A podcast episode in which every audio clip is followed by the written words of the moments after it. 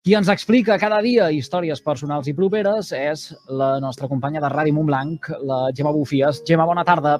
Bona tarda, bon dilluns. Avui, bon dilluns, bon dilluns. Avui, eh, eh, històries eh, de molta alçada. Sí, perquè avui parlem del cicle de muntanya de la Diputació de Tarragona, que enguany arriba a la seva setzena edició amb el títol Com a fita a la superació. El tret de sortida va ser, però, a començaments de mes i acabarà el proper 30 de març. Per això ens acompanya Joan Josep Garcia, que és diputat de Cultura de la Diputació de Tarragona. Benvingut a Carrer Major. Hola, bones tardes. Bona tarda.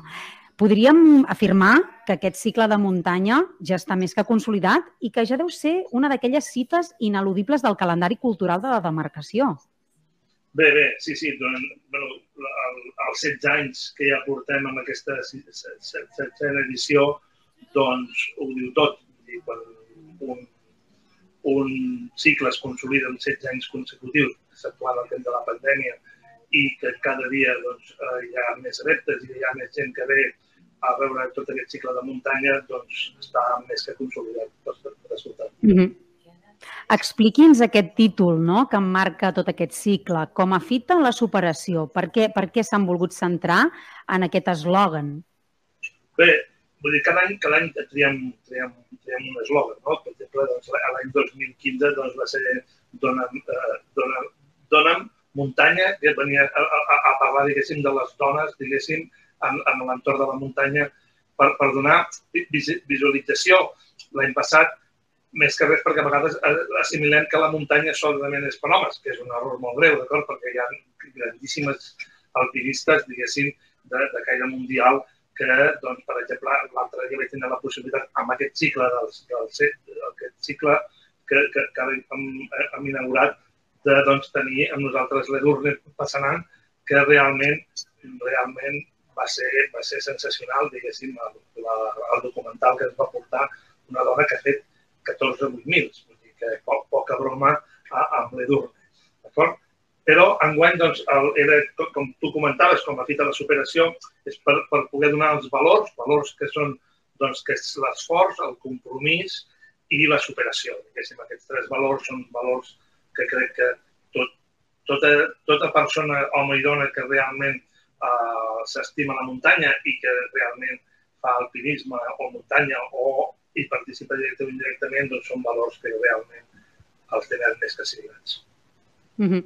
Clar, és aquesta cita anual que dèiem, però el públic no sé si és un públic tan especialitzat o també hi ha persones que no són alpinistes o escaladors o aventurers, perquè el perfil de, dels ponents o de les persones que apareixen en el cicle d'enguany, clar, són perfils molt professionals bueno, eh, eh, el que són els, els, els que participen, diguéssim, en aquestes activitats, en aquest cicle, realment són molt, molt, molt professionals.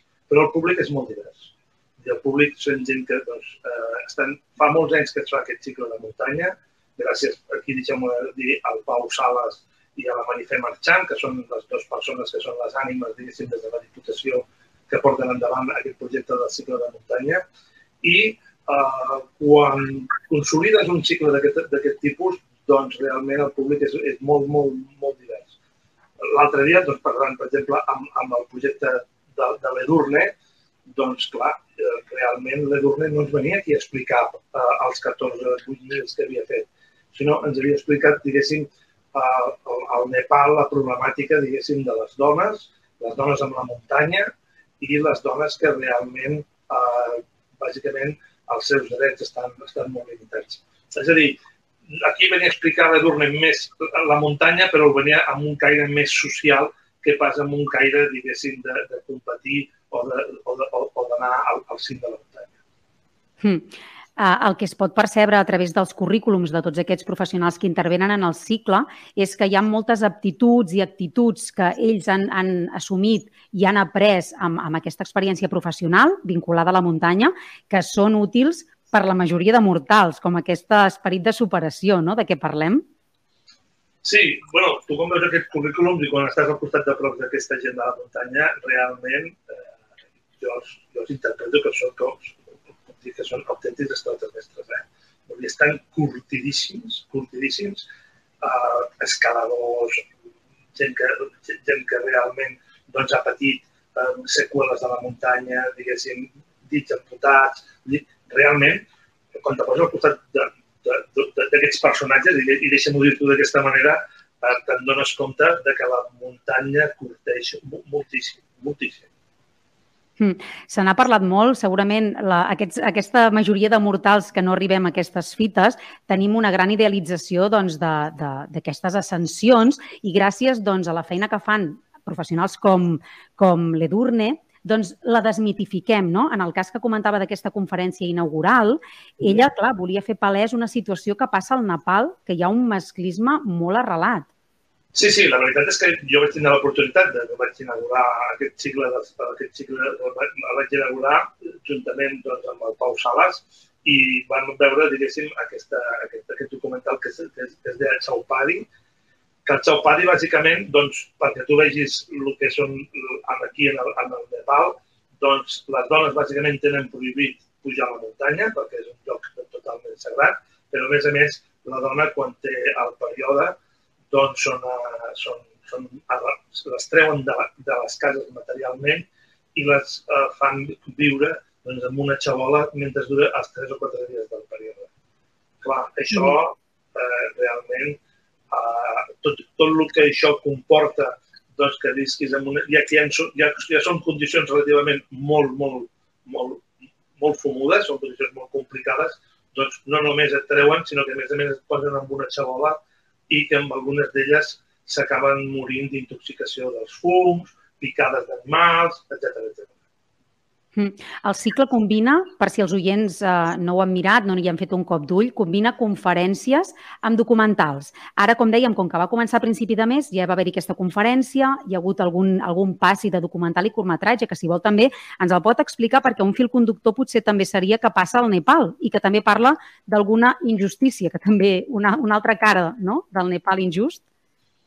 Bueno, jo, jo no les coneixo tots, eh? perquè tampoc vull dir, jo sé bàsicament el, el, el cicle són, són un, estan tots els dijous, diguéssim, de març i el dia 21 de març, que és dimarts, passen, van passant diferents cicles i com, com, tu, com tu comentes, diferents uh, conferències i documentals.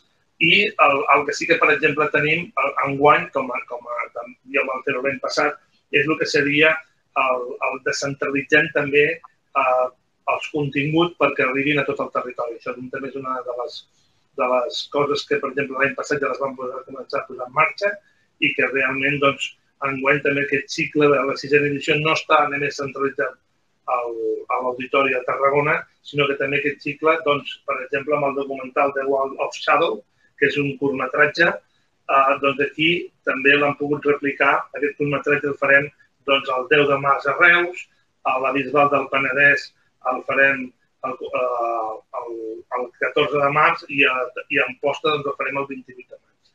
Això ho posem, ho, ho, ho posem dintre del concepte de que de la muntanya es mou. Mm -hmm.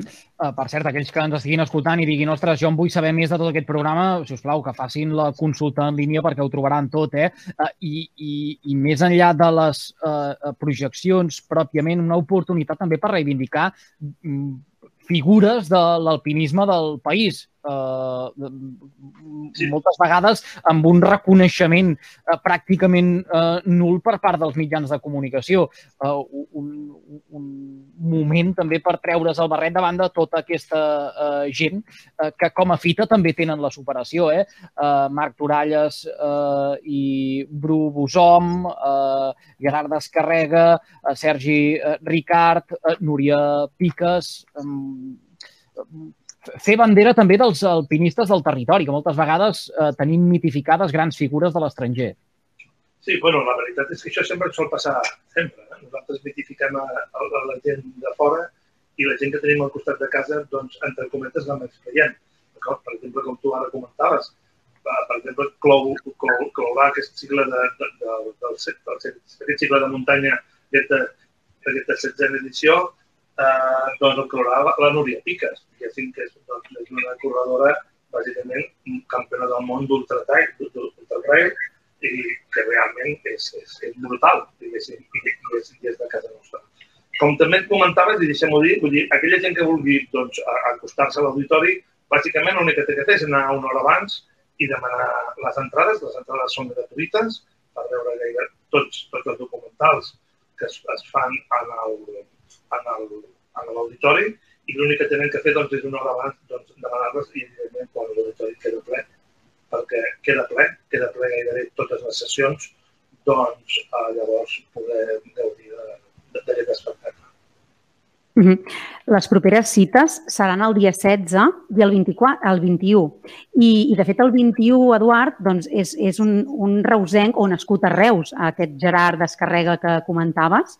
Doncs no sé si mai ha passat per carrer Major, però té un currículum absolutament impressionant. Una persona que es va anar quedant cega de mica en mica i, i com ha, ha aconseguit èxits mm, dignes de, de lluança, no?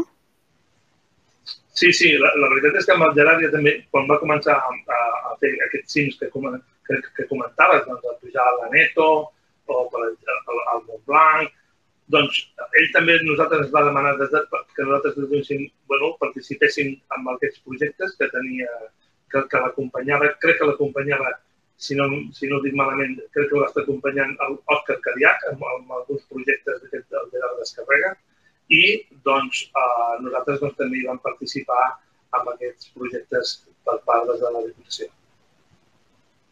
Sí, un comú denominador que, que podem percebre, segurament doncs, qui assisteixi a les conferències potser ho escoltarà, però mirant aquí en el programa, moltes, molts d'aquests professionals eh, doncs, doncs han tingut la, la muntanya molt, molt de ben petits gràcies a, a la família. Expliquen que de ben petits ja, ja caminaven amb els pares hores i hores i aquest vincle doncs és important no? de, de crear aquest vincle amb la natura i amb aquesta resistència que bé, al final doncs, ells han arribat a assolir aquestes metes impressionants. Sí, l'any passat, l'any passat en un dels documentals venien, van fer, una, hi havia un escalador que va fer una nova ruta amb una cova per allà, diguéssim, per exemple, pel Nepal, i doncs veies el vincle pare i fill, d'acord? Aquest vincle pare i fill, que realment eh, tu comentes, eh, doncs el fill era el que realment feia la ruta i el pare és el que feia de provisionador. Doncs aquests van, van estar sis setmanes sota una cova fins que no van, no van aconseguir-ho. I van haver d'anar tres vegades fins a aconseguir-ho. Per tant, el vincle que es fa pare i fill, en aquest cas entre la família, eh, realment eh, quan és que el respecte era mutu, no? Vull dir, eh, tant el pare parlava del fill com el fill parlava del pare, però es veia la, la, les sinergies que hi havia entre tots dos que, anava, que, la muntanya doncs, havia, havia aconseguit eh, que ells eh, realment aconseguissin aquesta simbiosi entre dos uh, compartirem tot això eh, a través de les xarxes socials, per allò que diem tantes vegades, que tan sols amb un clic tothom se'n pugui fer una idea. Senyor Garcia, molt uh, ràpid i abans d'acabar, uh, fent referència un momentet de, de la descentralització de la proposta en guany, més enllà de l'Auditori de la Diputació, Reus, al Palau Bufardull, també a la Bisbal del Penedès i Amposta. Uh, L'objectiu és, uh, pensant ja en futures uh, edicions, estendre més aquesta xarxa? Bé, com a objectiu, la Diputació de Tarragona, realment el que nosaltres és volem eh, estendre la cultura a tot el Camp de Tarragona, des de que és les Terres de l'Ebre, Camp de Tarragona i Baix Penedès. I llavors creiem que, que, bueno, que s'han de moure, aquests esdeveniments s'han de moure, perquè si no els tenim tots centralitzats en un mateix lloc i, i sí que podem fer que la gent vingui a l'auditori, però si a l'auditori final ve la gent que ve, t'has de traslladar, has d'anar amb cotxe, mm. això, però si tu el que pots fer és traslladar aquests documentals a cada un dels llocs estratègicament, com ara Posta, com a l'Islam del Penedès o com, o, o com a Reus, doncs realment el que fem és apropem la cultura cada dia més a prop de casa de, de, de, dels ciutadans. I també deixeu-m'ho dir que a Reus, al Palau Bufarull, sí que també hi haurà, hi haurà una exposició mentre duri aquest cicle, que seria el que seria una miqueta el que és el repàs de les experiències de tots els protagonistes que participen en, aquestes, en aquests documentals. Senyor Garcia, hem de marxar a publicitat. Gràcies per fer-nos confiança. Que vagi molt bé. Bona tarda. Bona tarda. Bona tarda.